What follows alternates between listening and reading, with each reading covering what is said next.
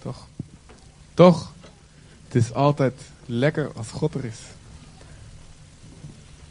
Stel je voor dat je de kerk moest zijn en God is er niet. En toen hij, hij laat niks merken. Je moet het allemaal zelf bedenken. Dat zou niet goed zijn, hè?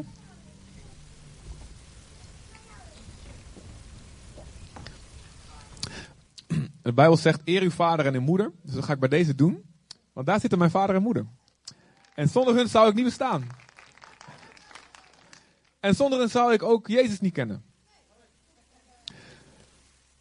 En dat betekent dat zonder hun heel, heel veel, misschien niet iedereen, maar wel heel veel van jullie misschien, of Jezus niet kennen of niet zo goed zouden kennen. Had je nog niet door, hè? Dat is fijn, hè? Dus, um, fijn dat jullie er zijn. Ze hebben zelf, mijn ouders zijn voorgangers in de Banier in Deventer. Als je een zondagmiddag uh, ooit een keer niks te doen hebt, um, om twee uur hebben ze dienst. Het is in Deventer.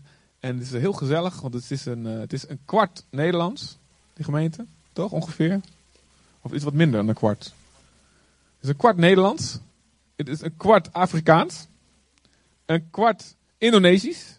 En een kwart Antilliaans tegenwoordig. Hè? Ja, jullie zijn wel een kwart Antilliaans. Entree is gratis. nou, ja, goed. Dus uh, zijn voorgangers daar en uh, ik ben heel dankbaar. Gewoon, zijn vanochtend geen dienst. En uh, ja, dan komen ze ons hier lastigvallen. Hè? En uh, mijn preek inspecteren. Ik schijn ook een cijfer te krijgen na afloop. Dus bid voor mij. Alright, geweldig jongens. Dat God hier is. Wie heeft God al, wie heeft al ervaren, gemerkt dat hij er is? Ja, heel goed.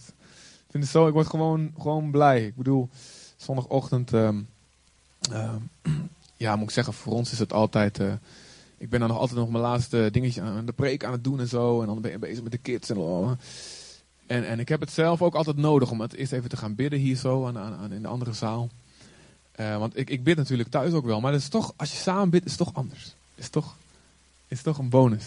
En dan als de dienst dan begint en we gaan aanbidden. En hoor ik, hoor ik uh, die, die, is, is die aansporing in het begin. En dan de, de nummers en dan die getuigenis. En, ik, oh, en dan ben ik al helemaal, yes. Dus dat heb ik zelf ook lekker nodig. Het is echt, echt super om, om, om, om samen dat te kunnen doen. Om samen gemeente te zijn met elkaar. En um, ja. En um, ik heb een woord voor jullie vandaag wat um, het, is meer een levensvaardigheid eigenlijk. Een vaardigheid in je leven die essentieel is. Essentieel. verschil maakt tussen leven en dood. Voor jou. Voor anderen om je heen. En voor Gods plan met je leven. Het is essentieel. En het is ook iets wat helemaal niet moeilijk te begrijpen is. Het is ook iets wat helemaal niet. Um, niet een soort diepgravend concept is. Um, waar je echt, zeg maar, eerst uh, een drie, drie weken Bijbelstudie fundament moet leggen. En dan daarbovenop een laagje en, dan en dan pas kun je het snappen. Dus het is niet iets heel erg ingewikkelds in die zin. Maar het is iets wat ontzettend moeilijk is om bij jezelf door te hebben wanneer je het moet toepassen.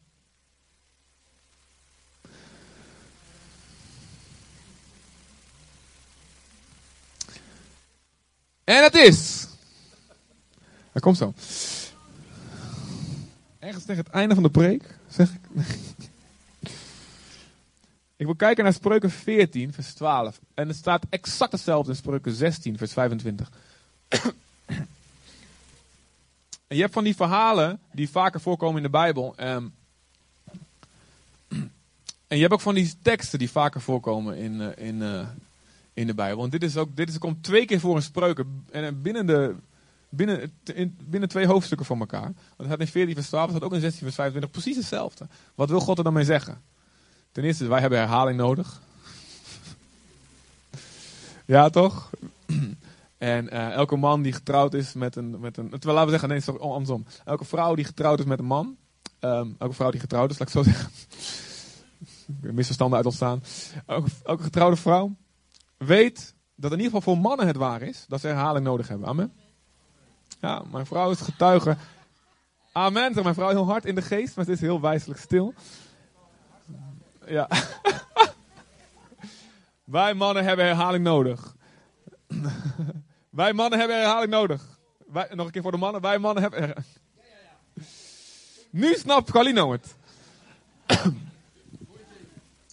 En vrijgezelle dames, dit is de sleutel echt tot huwelijksgeluk. Ze hebben herhaling nodig. Hè. Als het beginnen gewoon aan het begin. Bij het begin bij. En ik hoef dit maar één keer te zeggen, want het is alleen voor de vrouwen bedoeld.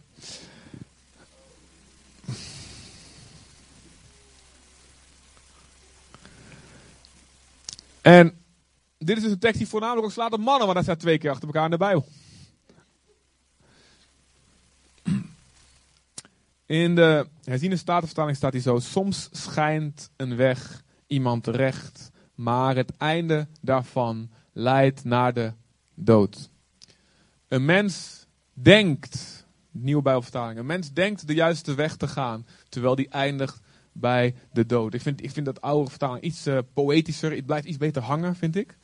Soms, juist doordat het wat ouder is, blijft het iets beter in je hoofd ook hangen, omdat het niet een alledaagse zin is. Soms schijnt een weg iemand recht, maar het einde daarvan leidt tot de dood. Dat klinkt veel poëtischer dan een mens denkt de juiste weg. Ja, dat is, klopt, het is allemaal hetzelfde, maar het blijft beter hangen. Ehm, dus, oké, oké, oké, oké, oké. Be- Bedoel je dan, bedoelt u dan hier dat wij soms denken dat we goed bezig zijn? Dat we heel vaak denken dat we goed bezig zijn, terwijl het niet zo is. Is dat wat hier staat?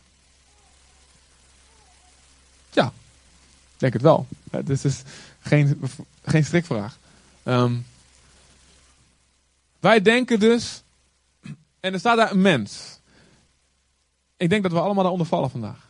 Toch?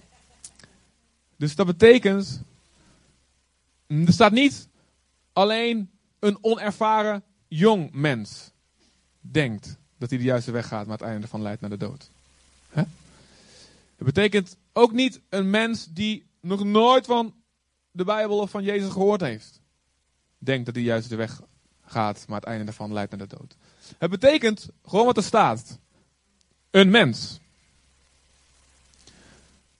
Het betekent ook niet, er staat ook niet een mens voordat hij Jezus aangenomen heeft. Voordat hij gedoopt is. Of voordat hij de Heilige Geest ontvangen heeft.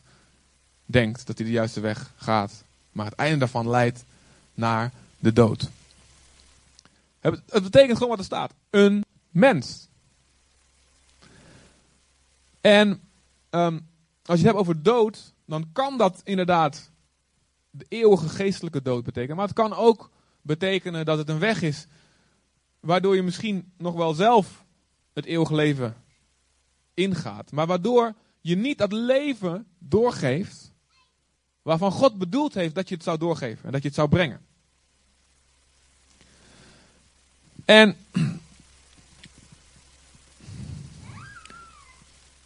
dit is ehm, het, he- gewoon het weten dat dit bij jezelf mogelijk is, is een heel belangrijk fundament voor het zuiver houden van je weg.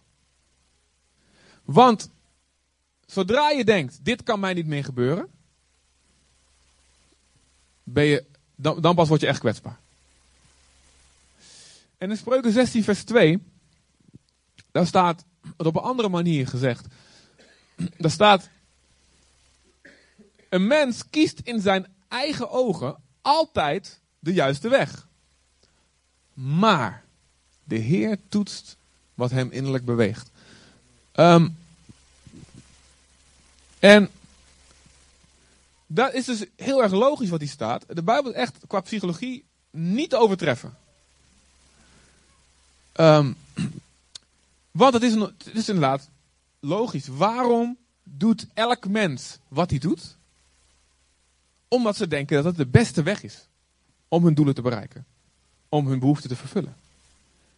Als iemand zondigt, denkt die persoon dat is de beste weg om mijn doel te bereiken, om mijn behoeften te vervullen.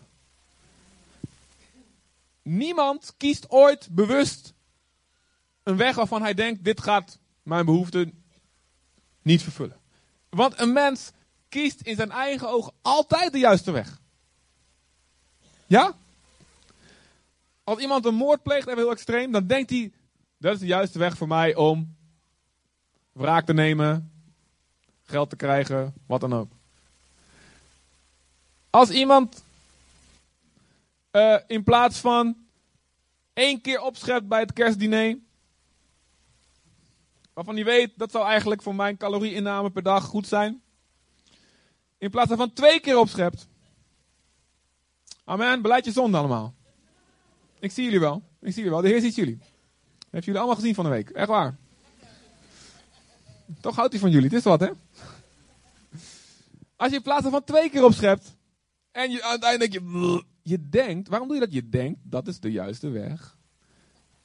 Tot wat ik wil. En ik wil lekker, lekker.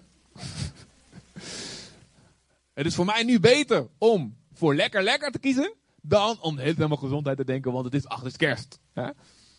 Zo dacht ik ook, namelijk. En daarom denk ik ook echt dat het de juiste weg was dat ik van de week een paar keer echt twee keer opgeschept heb. Maar goed, alles wat je doet, doe je omdat je denkt dat het de beste weg is. En nu, als je om je heen kijkt, kiezen alle mensen in de hele wereld voortdurend altijd de juiste weg? Nee, kiezen alle christenen om je heen altijd de juiste weg in alles. Maar wij wel natuurlijk. Wij wel, want in mijn eigen ogen kies ik altijd de juiste weg. In mijn eigen ogen ben ik, ik, zijn mijn intenties heel erg zuiver. In mijn eigen ogen ben ik niet hebzuchtig. Ben ik niet jaloers. Kan ik heel goed tegen kritiek in mijn eigen ogen ben ik best een leuk persoon. Ben ik best, ben ik, heb ik liefde voor iedereen? Huh? Nou ja, ja. In mijn eigen ogen. Over het algemeen. En natuurlijk kan het zijn dat je, als je zo gebukt gaat onder schuldgevoel en onder een heel, ja, uh, een, een, een, zelfbeeld wat, uh, uh, ja, wat heel laag is, door wat voor omstandigheden dan ook, dan kan het natuurlijk zijn dat je jezelf voortdurend veroordeelt. En dat je eigenlijk denkt van ja, maar goed, ik kies nooit de juiste weg. En dan vind je jezelf al zo slecht en zo verschrikkelijk. Um, en weet je, um, dan heb ik ten eerste heel goed nieuws voor je. Jezus zegt, ik ben dicht bij de verslagenen van geest. En dicht bij de gebrokenen van hart. Dat jij jezelf veroordeelt, betekent niet dat ik je veroordeel. En dan uh, overal waar Jezus zulke mensen tegenkomt, dus dan praat hij ze omhoog. En hij geneest ze en hij wondert ze omhoog. Maar goed, God zegt tegen de mensen in het algemeen: heb goed door, heb goed door dat iedereen denkt dat ze goed bezig zijn. En dat is normaal. En het is ook fijn dat wij dat denken. Want zonder dat gaat het ook niet goed. Kun je niet met jezelf leven. Maar het is zo, wij hebben beperkt zicht op onszelf. We hebben beperkt zicht op onszelf. We hebben allemaal blinde vlekken. En um, dat is een soort ingebouwde zegen van God, waardoor we redelijk blij met onszelf door het leven kunnen zijn. En dat, is, dat hebben we ook nodig. We hebben het nodig om redelijk, gewoon redelijk blij met onszelf te zijn. Um, maar die blinde vlekken zijn wel vervelend. Toch? Voor onszelf, voor anderen om ons heen en voor Gods plan met ons leven. Sommige daarvan, van die blinde vlekken, maken ons minder vruchtbaar. Bepaalde dingen in ons karakter. Bepaalde dingen die we doen, dingen die we zeggen. Bepaalde gewoontes die we hebben. Manier hoe we in het leven staan. En sommige maken, maken ons minder vruchtbaar dan wat God wil dat we zijn. Maar sommige brengen ook eeuwige bestemmingen van anderen in gevaar. En sommige als je daarvoor niet uitkijkt, brengen ze uiteindelijk, op de lange termijn, kunnen ze zelfs je eigen eeuwige bestemming opnieuw in gevaar brengen. En God is lief. Amen. En God houdt van ons zoals we zijn. Hij vult ons met uw liefde. Amen. Maar hij helpt ons ook graag van onze blinde vlekken af. En daarom staat daar, de Heer toetst zijn hart. De Heer toetst wat hem heimelijk beweegt. En dat betekent dus dat een aantal dingen die wij, de, al die dingen die wij nu niet zien, die brengt God ons on, on, onder onze aandacht. Maar omdat hij zo lief is, doet hij dat niet allemaal tegelijk. Toch? Het zou niet fijn zijn als God alles tegelijk doet. Alles tegelijk onder onze aandacht brengt. Ik herinner me heel goed in het begin van ons huwelijk dat um, op, op een gegeven moment um, Nathalie doorhad. Sorry, ik heb het over jou. dat ze doorhad dat het oké was om dingen tegen mij te zeggen. En ik had geleerd, ik, ik, ik moet dat, ja, ik moet daarna luisteren, weet je wel. En toen ze eenmaal die vrijheid voor de eerste keer had, zo, zoiets van, uh, volgens mij hadden we nog verkering. Eenmaal doorhad, oké, oké, ik mag dus alles zeggen wat, uh, hij wordt niet boos als ik dingen ga zeggen. Toen dacht ik, toen begon ze met alles, ja, oh, nou, nou dit en dat en dat en dat. Is dat helemaal gelijk. Maar op een gegeven moment werd ik van, oh, oh, au, au. En ik kon, ik kon niet zeggen, je hebt niet gelijk, want het klopt allemaal. Helaas. Vrouw hebben daar een talent voor. Maar ik heb haar genade gevraagd. Ik zei, lieve schat, ik ben echt blij dat je je vrij voelt nu om, om, om me te vertellen wat je ziet. Maar zou je het één voor één willen doen? Zou je het willen doseren? Um, misschien eentje op maandag en dan even spreiden en dan daarna donderdag, weet je wel. En dan misschien februari, weet je, ja. En dat heeft ze gedaan, echt, meteen. Want dat is slim, een vrouw hoeft niet twee keer dingen te zeggen. Amen, vrouwen.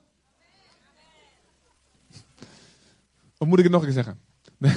Voor de mannen.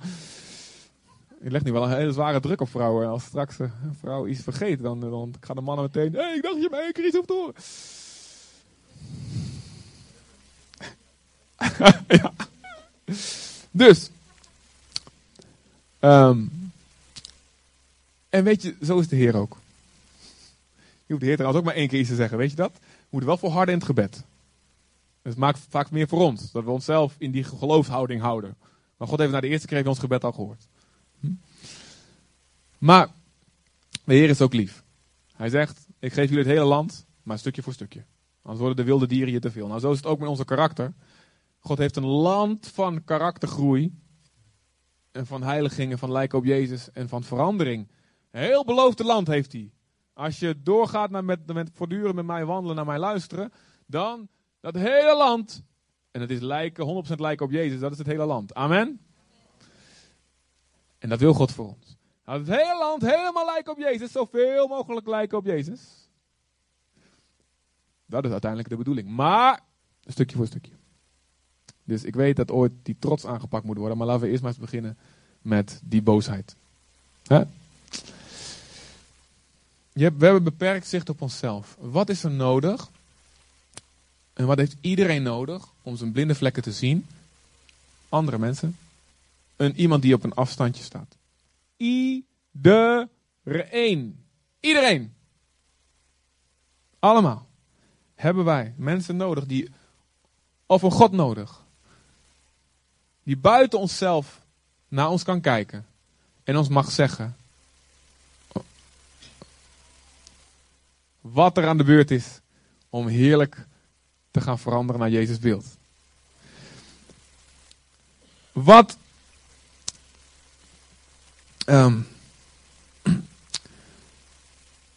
in Spreuken 26 vers 12, er staat, zie je daar een man wijs in zijn eigen ogen, voor een dwaas is er meer hoop dan voor hem. Dus je kunt een dwaas zijn, maar als je weet dat je een dwaas bent, dan ben je goed bezig. Dan ben je eigenlijk wijs. Snap je?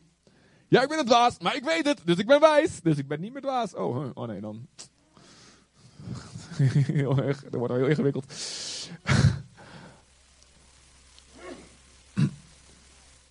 dus je kunt net begonnen zijn in het geloof, in het wandelen met Jezus en heel veel dingen nog niet onder de knie hebben. Je weet nog niet of je nou je linkerhand of je rechterhand omhoog moet doen tijdens aanbidding en al die dingen, weet je wel. Al die hele belangrijke dingen die je moet weten als christen, weet je wel. Je kunt nog heleboel dingen niet weten. Maar als je weet dat je nog moet groeien, dan ben je op een goede pad. Maar aan de andere kant kun je heel veel geleerd hebben, echt van de Heer geleerd hebben. Maar als je denkt, en nu weet ik alles, dan ben je op de weg terug.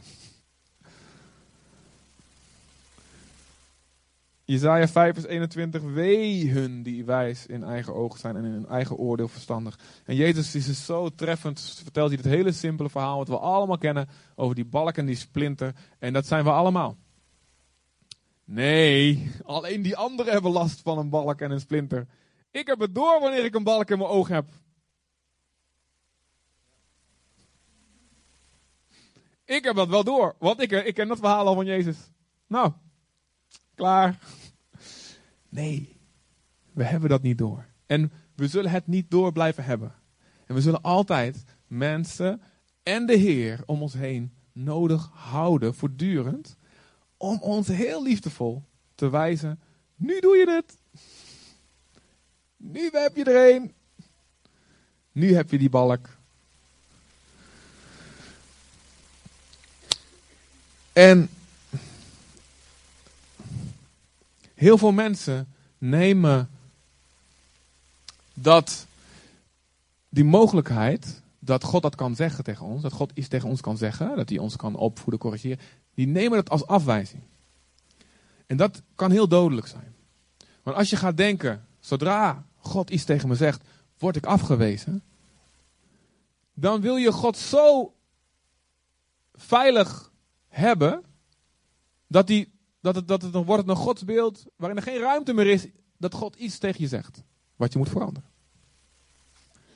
Waardoor je dus niet meer open staat dat het überhaupt kan gebeuren. En, zegt, en alles wat God dus je aanwijst, joh, groei nou hierin. Ga nou iets meer hierin, daarin bezig. Dat, dat zeg je, nee, nee dat, kan, dat kan God niet zijn. Dat kan God niet. Dat is allemaal van de duivel. Terwijl God het in zijn liefde doet. Maar de bron daarvan eigenlijk is dat we nog steeds bang zijn voor het oordeel. Dat God een oordelend God is. Terwijl God het in zijn genade doet. En in Hebreeën 12 zegt de van Paulus waarschijnlijk, of Apollos, weet niet wie Hebreeën geschreven heeft, zegt: Joh, verslap nou niet als God je opvoedt. Maar zie nou in dat het alleen bastaardkinderen zijn die niet die correctie ontvangen. Maar het feit dat God je aanspreekt, dat is het bewijs dat je een zoon bent. Het is het bewijs dat je aangenomen bent. Snap je dat? Nou, en hetzelfde ook naar mensen toe. Als wij denken als iemand. Luister, er zijn heel veel veroordelende mensen in de wereld. Amen. En soms blijft die gedachte nog heel lang hangen, ook al zitten we een tijdje in de gemeente. En blijven we veroorde veroordelende mensen. Dus we hebben allemaal ervaring met hoe het is als je veroordeeld wordt. Op een verkeerde manier. Dat vindt niemand van ons leuk. En dat, zodra we dat, dat, dat zien, ontwijken we dat het liefst.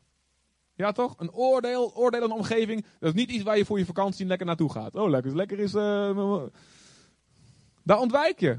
Wat, wat trekt ons aan? Genade. Een genadige omgeving trekt ons aan. mensen die begrip hebben. Die weten wat het is door dingen heen te gaan en zelfs te vallen. En die je daarvoor niet een steen op je kop gooien. Dat is een fijne omgeving om te zijn. Amen. En dat is de grootste gemeente van Jezus bedoeld. Maar goed, als er nog in onze hoofd een associatie zit met elke correctie of alles wat God ons aanspreekt, is automatisch weer dat oordeel wat ik ken en wat ik vervelend vind op mensen die me afwijzen. Kan God ons dus heel moeilijk bereiken. Dus ten eerste is daar een uitdaging voor ons als gemeente. Om te leren genadig te zijn. Amen. Om te leren veilig te zijn. Want als een plek veilig is, dan weet je als, je als je dingen tegen elkaar zeggen, omdat we van een afstandje zien, hé, hey, die weg die je gaat, die is niet oké. Dan weten we dat dat niet afwijzing is, want hé, hey, die liefde, dat is, dat is zo, zo duidelijk en zo, zo zeker. Ik weet dat dat niet een afwijzing, een hard oordeel is. Amen. En dat komt als we het zelf leren bij de Heer. Er staat dus dat God onze hart, hart doet. Er zijn dus twee dingen wat er gebeurt met iemand die denkt dat al zijn wegen goed zijn. God doet zijn hart. Spreuken 16 vers 2. Al zijn wegen zijn iemand zuiver in zijn eigen ogen. Maar de Heer toetst de harten. En Spreuken 12 vers 15. Als je die eh, kan. Een dwaas denkt dat hij de juiste weg gaat. Maar wie wijs is, luistert naar goede raad. Dus er staat eigenlijk twee keer hetzelfde in het eerste stukje. Een dwaas denkt dat hij de juiste weg gaat. Of iedereen denkt dat hij de goede weg gaat. En in de eerste tekst staat dat God onze harten toetst. Dat is de eerste oplossing. En de tweede is luisteren naar goede raad. Dus de oplossing nogmaals voor je blinde vlek. Groeien in je blinde vlekken. Wie heeft blinde vlekken?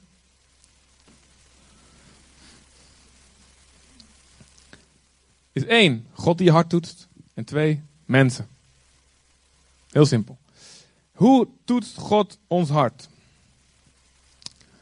Wat ik nog helemaal niet leuk vind, is dat mijn hele preek weg is. Nou, ik kijk of ik hem uit mijn hoofd weet. Kan, Sami, kun je eventjes mijn telefoon pakken die daar ligt? Want daar staat hij ook op. Dan zoek ik hem ondertussen even op. Hoe toetst God ons hart? Ik heb er een paar M's tegenaan gegooid. Ehm, en niet de M van McDonald's. Daar mogen jullie zo naartoe.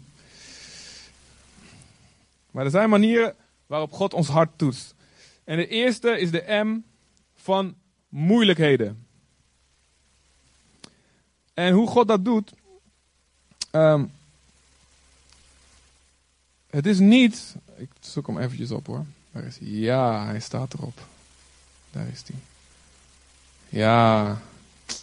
Telefoons zijn beter dan iPads. God doet ons hart door middel van moeilijkheden. Um, het is niet God die de moeilijkheden in ons leven creëert. We kunnen in Job heel duidelijk zien hoe het gaat. Het is de Satan bij wie het kwaad vandaan komt. En Jacobus 1 zegt heel duidelijk: God kan niet iemand in de verzoeking brengen. En hij kan zelf niet door het kwaad verzocht worden. Het gebeurt door een combinatie van de zuiging en verlokking van onze eigen begeerten. Onze eigen zwakheid, onze eigen zonde. Plus de Satan die dingen in ons leven brengt. En het is natuurlijk wel zo dat niks kan gebeuren als God het niet toelaat. Dus in zekere zin is het ook God die het doet. In die zin dat hij het toelaat, want hij kan het voorkomen. Want God kan al het kwaad in de wereld voorkomen. Maar God heeft een bedoeling met het toelaten. Het komt dus niet bij hem vandaan, dat is heel duidelijk. Maar God heeft een bedoeling ermee. Om ons te zuiveren Zoals zilver en goud gezuiverd wordt. En er staat ook in spreuken, een smeltover is voor het zilver. En de oven is voor het goud. En maar de Heere toetst onze harten. En hoe dat gebeurde, is dat daar, dat, dat, dat, moet, moet warm gemaakt worden, vloeibaar gemaakt worden. Dat, dat zilver en dat goud. En dan komt het dros komt naar boven. Het schuim komt naar boven. De onzuiverheid komt door die hitte komt naar boven. En hoe weet een zilversmid of ik weet niet hoe die kerel heet, een zilversmelter. Hoe weet hij dat het zuiver genoeg is? Als hij zijn eigen weerspiegeling kan zien in het zilver. En zo is God ook. Als hij zichzelf terug kan zien in ons, dan is de rotzooi eruit gezuiverd. En je ziet het bij Job ook, want Job was hartstikke goed bezig. En dus God zelf zegt, weet je, ik, God schept over hem op. Hé hey, duivel, heb je gezien? Job, hoe geweldig die is.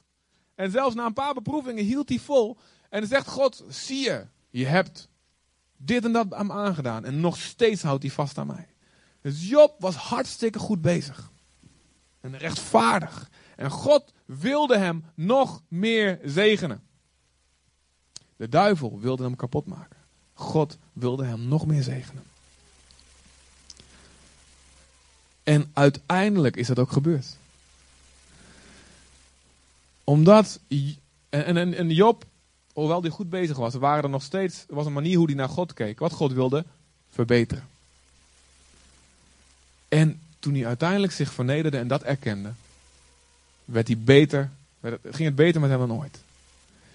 En Jacobus 1 zegt een geweldig, geweldige um, bemoediging eigenlijk. Jacobus 1 vanaf uh, vers 2. Hebben die voor me? Anton, yes. Het moet u tot grote blijdschap stemmen, broeders en zusters, als u allerlei beproevingen ondergaat. En dan gaan we even door. Ja. Want u weet. Dus, luister, beproevingen. Moet je tot grote blijdschap stemmen. Dit is raar. Maar u weet, wanneer uw geloof op de proef wordt gesteld, dan leidt dat tot standvastigheid. Standvastigheid. En als die standvastigheid ook daadwerkelijk blijkt, dan zult u volmaakt en volkomen zijn zonder enige tekortkomingen. Komt een van uw wijsheid tekort, vraagt God erom en hij die aan iedereen geeft. Bekend, hè? dat lezen we vaak dit stuk. Zonder voorbehoud en zonder verwijt zal u wijsheid geven. En dan gaat hij verder. Vraag vol vertrouwen zonder enige twijfel. Wie twijfelt is als een golf in de zee, die door de wind heen en weer wordt bewogen. Wie zo aarzelend en onberekenbaar is en bij alles wat hij doet, moet niet denken dat hij iets van de Heer zal krijgen. Um, dan slaan we eventjes 6 en 7 slaan we even over. Dan gaan we weer naar vers 8. Um, ehm, en het is uh, gelukkig. Nee, dat was goed. Dat was goed. Um, hij was goed net. Kan niet terug. Nou, ik zal hem wel eventjes hier voorlezen. Gelukkig is de mens die in de beproeving staande blijft. En als, de proef, als hij de proef doorstaat, ontvangt hij als lauwerkrans het leven. Zoals God heeft beloofd aan iedereen die hem lief heeft. Wie in verleiding komt, moet niet beweren, die verleiding komt van God. Want God stelt niemand aan verleiding bloot, zoals hij zelf ook niet door iets slechts in verleiding kan worden gebracht. Iedereen komt in verleiding door zijn eigen begeerte, die hem lokt en meesleept. Is de begeerte bevrucht, dan baart ze zonde. En is de zonde volgroeid, dan brengt ze de dood voort. En het woord in het Grieks voor um, beproeving wat hier gebruikt wordt, uh, mag je meteen weer vergeten. Maar dat betekent doorsteken, erin prikken. Om te kijken wat erin zit. En er kunnen allerlei dingen zijn. Er kan het gewoon. Um, er kunnen gevolgen zijn van onze eigen fouten. Er kunnen gevolgen zijn van andermans fouten. Het kan ook een gevolg zijn van een goede keuze. En dat, dat noemen we dan het lijden van Christus waarin we mee mogen delen. Dus juist omdat je iets goeds doet, overkomt je moeilijkheden. En Petrus die zegt iets heel belangrijks. Hij zegt, joh, als zoiets, als je moeilijke dingen in je leven gebeurt, wees er dan niet door verrast, alsof je iets vreemds overkomt. En dat is heel belangrijk. Als je namelijk verwacht dat als je met Jezus leeft geen moeilijkheden meer zult krijgen, kan dat een hele grote teleurstelling worden als dat wel gebeurt. En kan je daardoor makkelijker gaan denken, oh, er is iets mis met mij of er is iets mis met God. Maar als je weet, oké, ik moet het dus gewoon verwachten. Het is dus normaal. Het is dus niet per se dat God boos op me is. Als, ik, als er een beproeving over mijn leven komt. Dan kun je makkelijker vertrouwen hebben dat God met je is. Snap je dat? Zodra je elke tegenslag in je leven gaat interpreteren, gaat zien als God is boos op me, is het moeilijker naar hem toe te gaan. Want je denkt dat hij boos op je is. Maar als je weet, oké, het is dus normaal dat er, het is niet iets vreemds als, ik, als ik tegenslagen in mijn leven heb. Het betekent niet dat Gods gunst van me af is. De discipelen gingen met Jezus in een boot over het meer. En toch kwam er een storm. En Jezus zat gewoon in de boot. Maar als we gaan denken, maar als Jezus in de boot komt, ja, komt er ook geen storm, joh. Er wordt gewoon... Jezus zit in de boot en er, is een storm. En eerst gaan ze bezig zelf de boel bovenaan het dek proberen ze de boel op orde te krijgen. Het water eruit scheppen en de stuur en de zeil en weet ik veel, al die dingen. En Jezus ligt te slapen beneden. Maar de echte oplossing voor zulke stormen ligt beneden. En niet boven. In de natuurlijke omstandigheden zit het een managen. Met rennen en te vliegen. De echte oplossing zit, is maak Jezus wakker. Snap je? Het is. Dit soort dingen toetst God onze harten in deze moeilijke tijd. Moeilijke tijden. En er zijn andere dingen waardoor God ons hart toetst. De tweede M is door middel van missie. Een opdracht die God je geeft. Jo, verlaat je land, Abraham. En ga daar, ga daar naartoe, het land waar ik je wijzen zal. Abraham, offer je zoon. Noach, bouw een ark. Christian, word voorganger. Wat? En de opdrachten die God ons geeft, de uitdagingen waar Hij ons voor stelt. Dingen waardoor we wel moeten stretchen en rekken en groeien. Anders dan kunnen we die opdracht nooit vervullen. Waardoor we wel aan God vast moeten houden. En die opdrachten moeten we dus wel aannemen.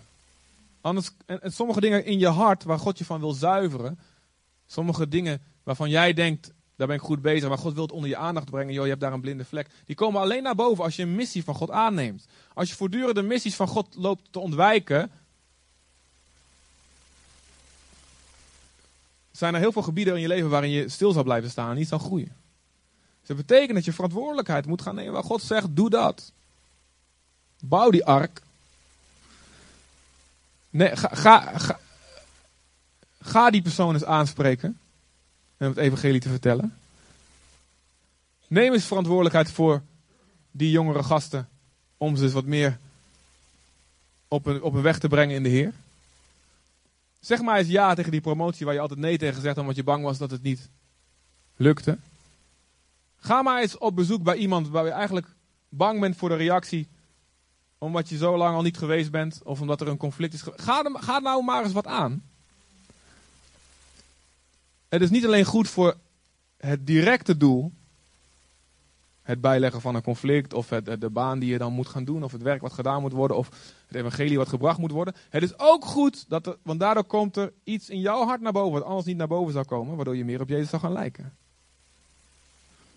Dus God heeft een, altijd met alles wat hij vraagt van ons een direct doel. Het werk wat gedaan moet worden. De ark moet gebouwd worden, bijvoorbeeld. Handig, op zich handig, dat die ark er was, anders waren we allemaal niet hier. Maar God wou ook iets in Noach doen. Dus hij heeft ook een verborgen doel. Dus bij alles wat God je vraagt, hij is het directe doel, wat we allemaal kunnen zien. En hij is een verborgen doel, namelijk dat in ons hart iets naar boven komt wat we niet wisten van onszelf.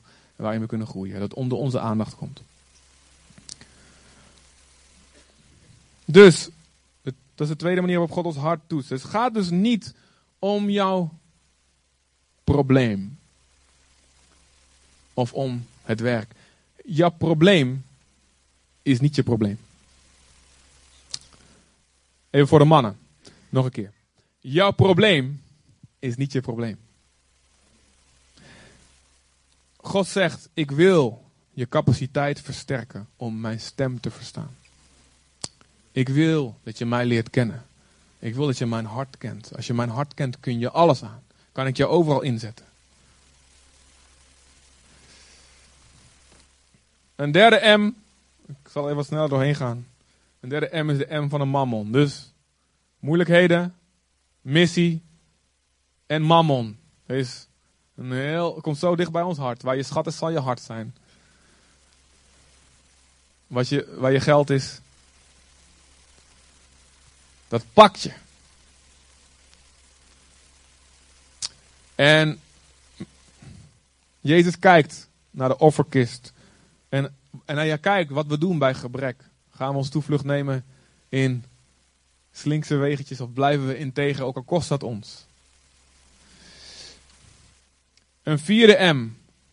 Dus moeilijkheden, missie, mammon. Een vierde M is mensen. Oh nee hè. Maar goed, dat hadden we natuurlijk al lang door. Teleurstellingen. Mensen die ons teleurstellen. We hadden een verwachting. Is niet uitgekomen. We hadden.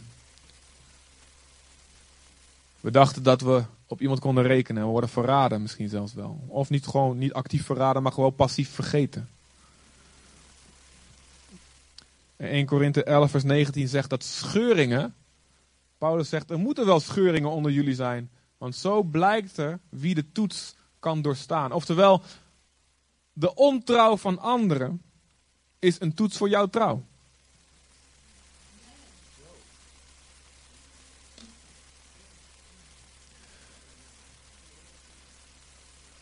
Gij zult de meerderheid in het kwade niet volgen.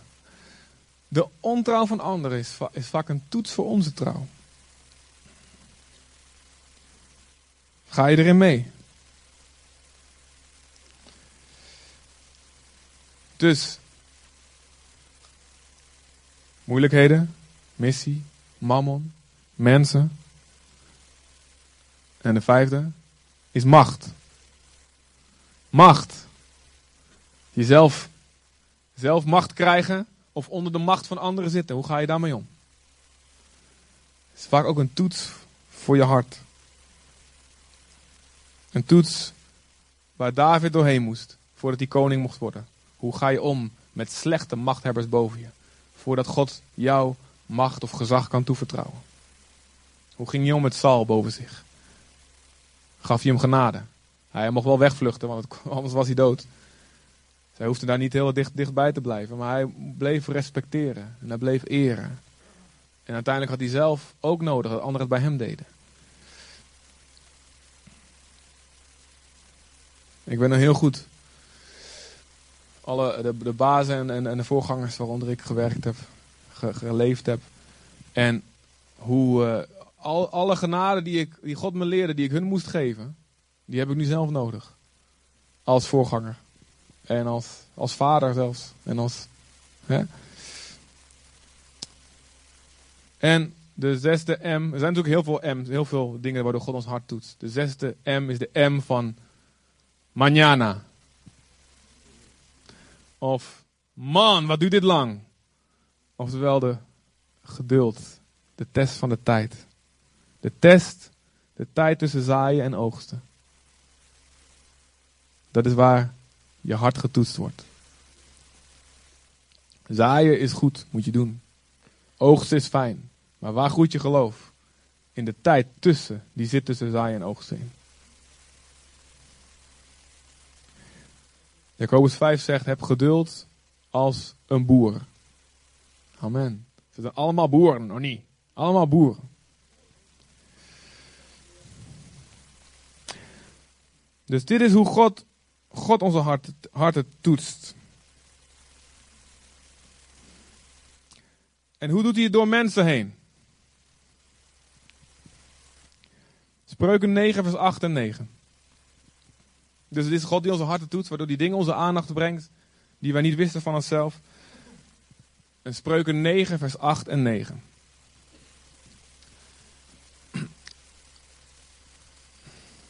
Daar staat dit. Oké, wat God wil is een volk wat, wat zijn hart zacht heeft. En in alles, in al deze M's, zoekt Heer, is er iets wat u wilt zeggen tegen me? Is er iets wat u wilt zeggen? Ik weet, Heer, dat niet elke tegenslag een oordeel is of een les is. Maar is er iets wat u me wil, onder mijn aandacht wil brengen? Wat ik nog niet weet van mezelf. Dat is het hart waar God naar zoekt in zijn volk. Dat is een hart waar God alles aan kwijt kan.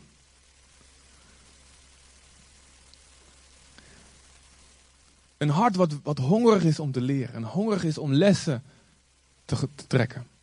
In Spreuken 9, vers 8 en 9. Is een ontzettend makkelijk iets om te begrijpen. Maar wat, dit is wat ik net ook zei. Moeilijk om te herkennen bij jezelf. Wijs een spotter niet terecht, want hij zou je haten berisp een wijze en hij mag je graag. Een wijze wordt nog wijzer als je hem berispt. Een rechtvaardige vergroot zijn inzicht door wat je hem leert. Niets maakt zo gauw duidelijk wie wijs is en wie niet, dan hoe die omgaat met een terechtwijzing. Een wijze houdt ervan.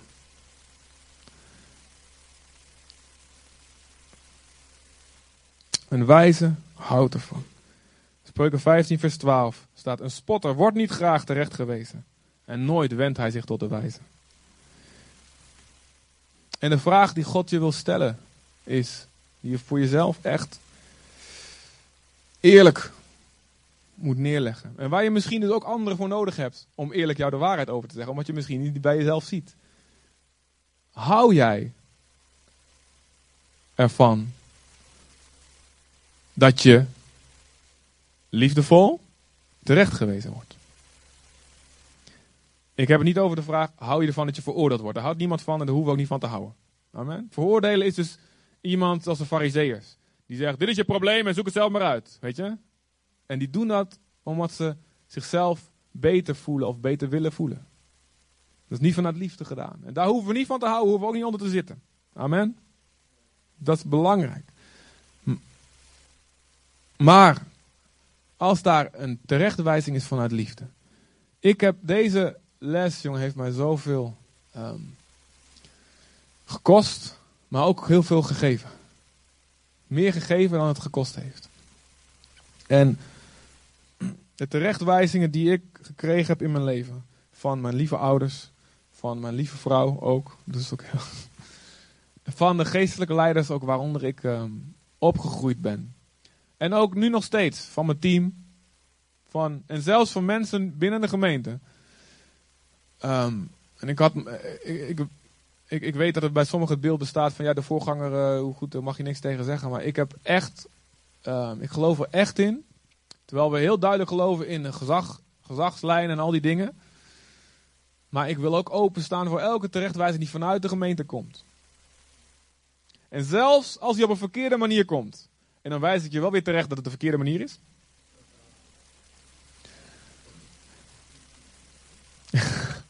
maar, als, dit, als we dit hart met z'n allen zullen hebben, kunnen hebben met elkaar, vanuit die veiligheid, een liefde voor rechtvaardige vermaning. Dit gaat zo tegen onze cultuur in, zo tegen de geest van de tijd in. Is helemaal niet cool. Maar het is wel wat ons zo'n capaciteit kan geven als kerk om te groeien met elkaar. Zo'n capaciteit kan geven om ontzettend veel te gaan lijken op Jezus. Gebieden waar we geen doorbraak ervaren. Waarom? Omdat we een blinde vlek hebben. En waarom hebben we een blinde vlek? Omdat we iedereen afschrikken die iets tegen ons wil zeggen, liefdevol over die blinde vlek. Zeggen, zeg niks tegen mij. En daardoor groeien we niet. En we snappen niet waarom we maar niet, waarom we maar niet meer van Jezus zien in ons leven. Maar dat is omdat we niet hebben geleerd liefdevolle vermaning te omarmen. Ja, dat is niet cool. En overal dus, en dat is de uitdaging, waar vermaning nog geassocieerd wordt met afwijzing. God zegt vandaag tegen je, zodra je dat woord al hoort, krijg je helemaal de kriebels misschien.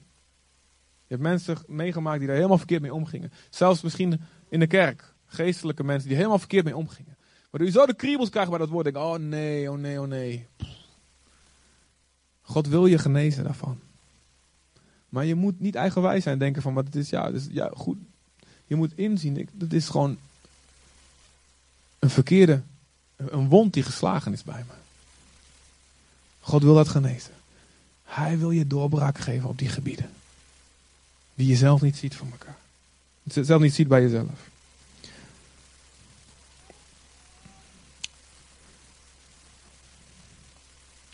Want soms is het vervelend om in het licht te staan. Hè? Soms is het vervelend. Als je je gezicht niet zo goed gewassen hebt en zo. Of als je, je wat vlekjes hebt op je kleren. Maar het is geloven in Gods liefde. In elke terechtwijzing en vermaning. Dat is wat je laat groeien. Maak dat je groeit. God heeft onze eeuwigheid in gedachten, lieve mensen.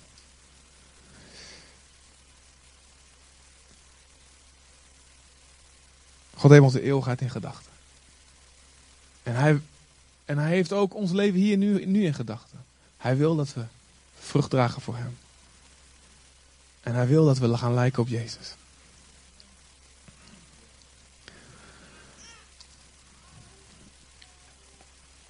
En um, wat we eigenlijk allemaal zouden moeten hebben, is mensen die, ons, die wij toestemming geven, actief, om ons de waarheid te zeggen.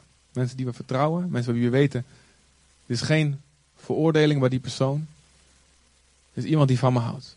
En dat je, misschien moeten we dat eens gaan doen met elkaar. Misschien naar je twaalf leiden. Misschien binnen je twaalf. Misschien binnen je familie. Misschien gewoon iemand die God je op je hart legt.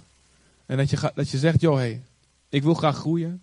Ik weet dat je van me houdt. Ik zie dat in je. Ik zie dat je iemand bent, een man van liefde bent, een vrouw van liefde bent. Ik wil je toestemming geven. Um, wil je alles zeggen wat je ziet bij mij? En als je daar een goed en genadig persoon tegenover je hebt, dan zal die daar heel erg, dat hij misschien helemaal niet leuk vinden. Denk ik wil helemaal niet zo naar je kijken. Ik hou helemaal niet van kritiek geven. Want een rechtvaardig iemand houdt er helemaal niet van. Die zit er niet te azen op een moment om je iets, iets, iets negatiefs of wat dan ook te zeggen. Maar het zou goed zijn als je zou zeggen, het gaat aandringen. Zeggen, joh, wil je alsjeblieft, ik wil groeien. En jij ziet dingen van mij die ik niet zie bij mezelf. Je staat op een afstandje. Alsjeblieft, zeg het tegen mij. En ik denk dat dit de hartshouding is die ons een doorbraak kan geven. Wij denken vaak doorbraak komt als we door de fire tunnel gaan. Als we de handoplegging krijgen van de megaman van God. Waar ik allemaal, allemaal voor ben. Voor al die dingen ben ik allemaal voor. Weet je wel? Wij denken doorbraak komt als er een of ander magisch iets. Oh, weet je wel, de, de, 3000 engelen hier in één keer door de zaal zweven. En uh, super vet. Maar doorbraak zit ook. Misschien nog wel meer. En als we zijn hartshouding gaan omarmen. Van joh, ik heb een blinde vlek. Ik heb God nodig. Die met al zijn M's het onder mijn aandacht brengt. En ik heb mensen nodig. Die wie ik de toestemming geef. Om mij liefdevol aan te spreken. En die dat voortdurend blijft geven. En dat is helemaal niet zo'n coole soort van doorbraak. Het is minder spectaculair. Maar ik geloof dat het wel dieper gaat. En ik geloof dat het een volk zo sterk kan maken. En dat het een sleutel kan zijn tot een totale transformatie van deze stad en van dit land. Want de hele houding in de wereld is. Joh, geen kritiek op mij hebben. Ik bepaal mijn eigen ding. Als wij kunnen laten zien hoe het wel kan. In grote liefde. En ik moet zeggen, ik moet hier zoveel zelf ook in leren. Want ik heb ook blinde vlek. En ik denk ook dat ik goed tegen kritiek kwam. Totdat Nathalie een keertje wat uh, tegen me zegt. Totdat mijn vader, totdat uh, Carlino. Een keertje. En ik, oh, oh, boe, oh. Ik dacht dat ik, daar al, dat ik er al voorbij was, weet je wel. Dus dit is iets wat we net zo, wat we allemaal mogen leren. En eigenlijk. Ja, nee, niet eigenlijk. Zullen we gaan staan met elkaar? En ik weet niet hoe je dit woord uh, ontvangt vandaag.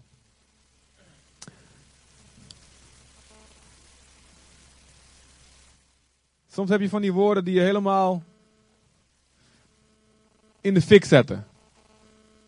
Toch? Die hebben we ook. We hebben van die momenten dat God je helemaal, dat gebeurt soms ook af en toe. Van die woorden je helemaal denkt, ja, je gaat er helemaal voor. Maar soms heb je ook woorden nodig die denken, man, oeh, wat betekent dit? Wat betekent dit als ik dit ga doen? En daardoor zijn we misschien niet helemaal te springen op onze banken. Maar het is net zo goed de Heer die tot ons spreekt.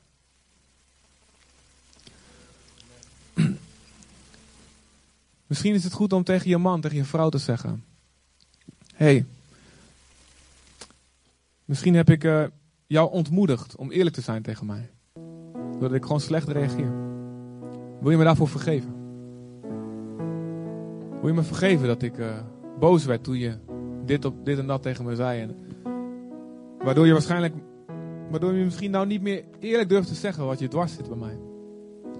En misschien leidt je vrouw of leidt je man leidt die in stilte. Omdat je, omdat zij of hij denkt, ik kan niks meer tegen hem of haar, ik kan niks meer tegen hem zeggen. En dan ontploft hij.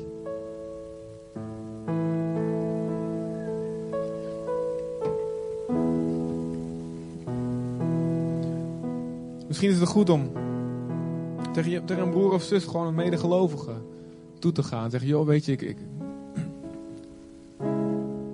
Toen en toen heb je dit tegen me gezegd en ik heb het echt opgevat als afwijzing. En ik wil je vergeving vragen. Ik dacht dat je het zei uit een, uit, een, uit een kwaad hart, uit een slecht hart. Maar ik zie nu in, weet je, nou, ik weet het niet, niet eens zeker misschien, maar misschien kwam het omdat ik gewoon niet genezen ben van een verkeerd vaderbeeld. En dacht ik dat je me gewoon af wou kraken. Maar misschien was het wel liefde, joh. Wil je me vergeven? Ik heb, ik, heb, ik heb je input nodig. Ik heb nodig dat je eerlijk blijft zijn tegen me. Misschien is het het moment om naar de Heer te gaan en zeggen: Heer, Oh Heer, ik heb me afgesloten voor het feit dat ik nog moest groeien. Misschien heb je gezegd, joh, ik, ben, ik heb al zoveel meegemaakt. Ik hoef niks meer te leren, dat is voor de jongeren. Oh, ik heb al. Ken de Bijbel al zo goed, joh.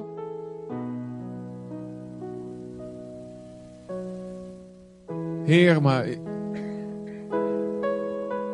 Ik, wil vandaag mijn knieën voor u buigen. Mijn hart voor u buigen.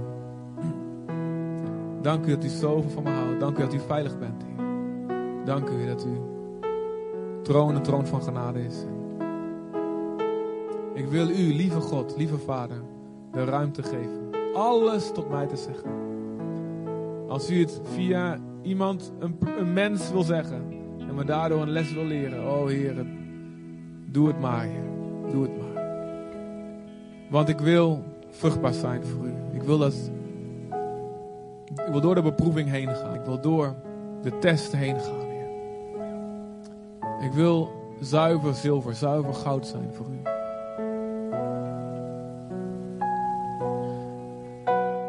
En laten we met z'n allen een besluit maken. Laten we een, een levensvaardigheid gaan ontwikkelen. Dat God door elke ezel heen tot ons mag spreken.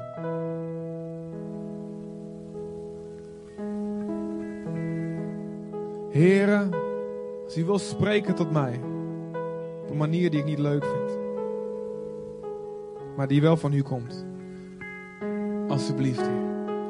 Open mijn ogen, help me, help me, help me. En zelfs dat kan ik niet zien. Ik kan zelfs niet van mezelf zien of ik een goede houding daarin heb. Ook daarin help me. Toets me, Vader.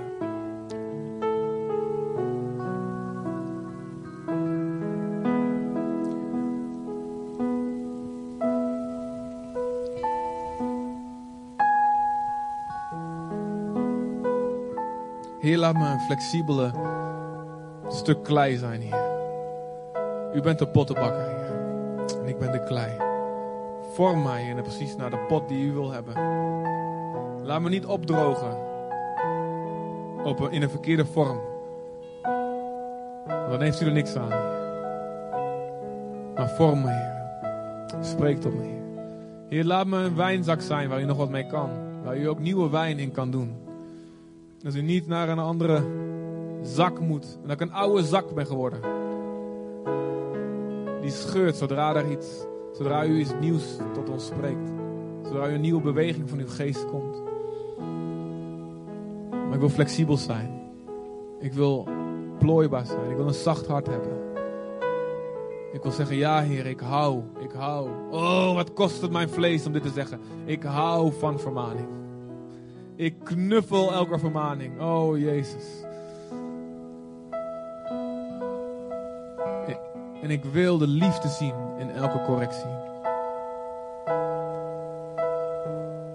En als ik het niet kan, Heer, maak mijn hart dan zacht dat het wel gaat lukken door uw geest.